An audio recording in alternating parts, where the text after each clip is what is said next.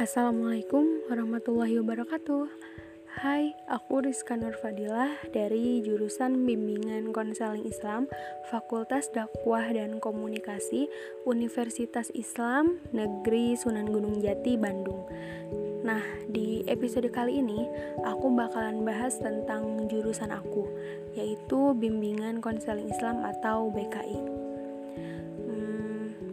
Gak sedikit orang-orang yang masuk ke jurusan BKI ini, mereka itu salah jurusan. Mereka itu jadi harus merubah planning yang telah mereka buat untuk ke depannya tentang karir mereka.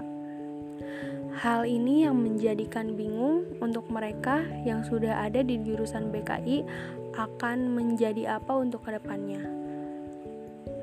Buat yang ingin kerja sih bingung mungkin ya bakalan cari tempat di mana bekerja di mana yang sesuai dengan jurusannya atau yang masih ada sangkut pautnya dengan PKI. Nah, di sini aku bakalan sedikit ngejelasin tentang peta kajian wilayah BKI biar kita itu gak bingung nanti setelah lulus buat yang mau kerja atau menata karir nggak bingung tuh harus ke mana karena mungkin bingung. Nah, jadi ada beberapa peta wilayah kajian BKI nah jadi BKI BKI BKI ini tuh kan bimbingan konseling Islam. Ada bimbingan penyuluhan Islam. Nah untuk bimbingan konseling Islam yang ranah-ranahnya kebimbingan yang pertama itu ada bimbingan konseling agama Islam. Itu tuh adanya di mana? Ada di lembaga resmi Kemenag ya, di kayak gitu ada. Yang kedua itu bimbingan keluarga Islam. Itu adanya di KUA lembaga parenting atau KPAI. Yang ketiga, ada BK Pendidikan Islam. Nah, jadi di BKI ini ternyata bisa loh jadi guru BK meskipun nanti lulusnya itu gelarnya bukan SPD tapi ESOS.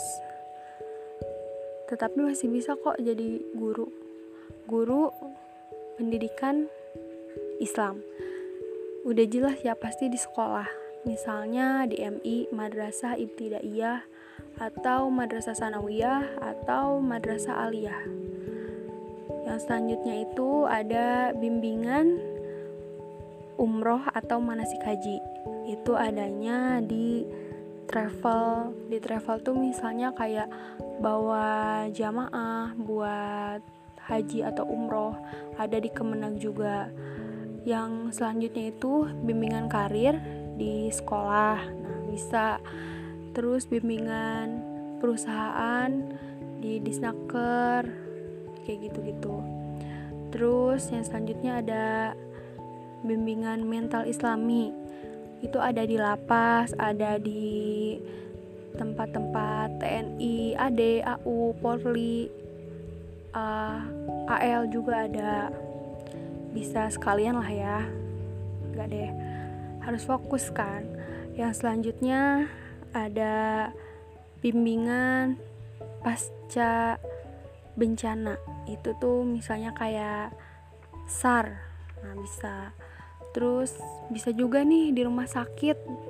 Kayak bimbingan rohani Islam. Misalnya itu kayak buat perawat-perawat rohani Islam. Bisa di rumah sakit ternyata kan terus bisa juga di dinkes dinas kesehatan.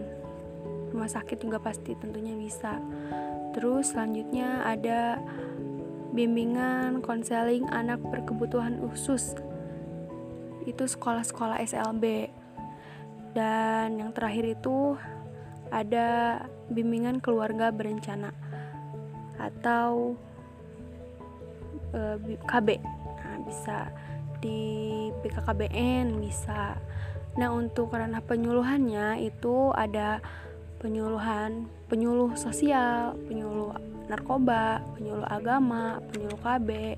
Banyak kan? Nah, emang banyak sih, banyak banget sebenarnya uh, fokus kajian BKI itu. Nah, semoga setelah teman-teman dengerin podcast ini bisa sedikit membantu atas segala kegalauan teman-teman. Kalau nanti setelah lulus itu buat yang ingin bekerja harus bekerja di mana uh, harus di tempat tempatnya tuh di mana. Tetapi masih sesuai dengan kemampuan teman-teman dan lebih bagus masih dalam ruang lingkup BKI itu sendiri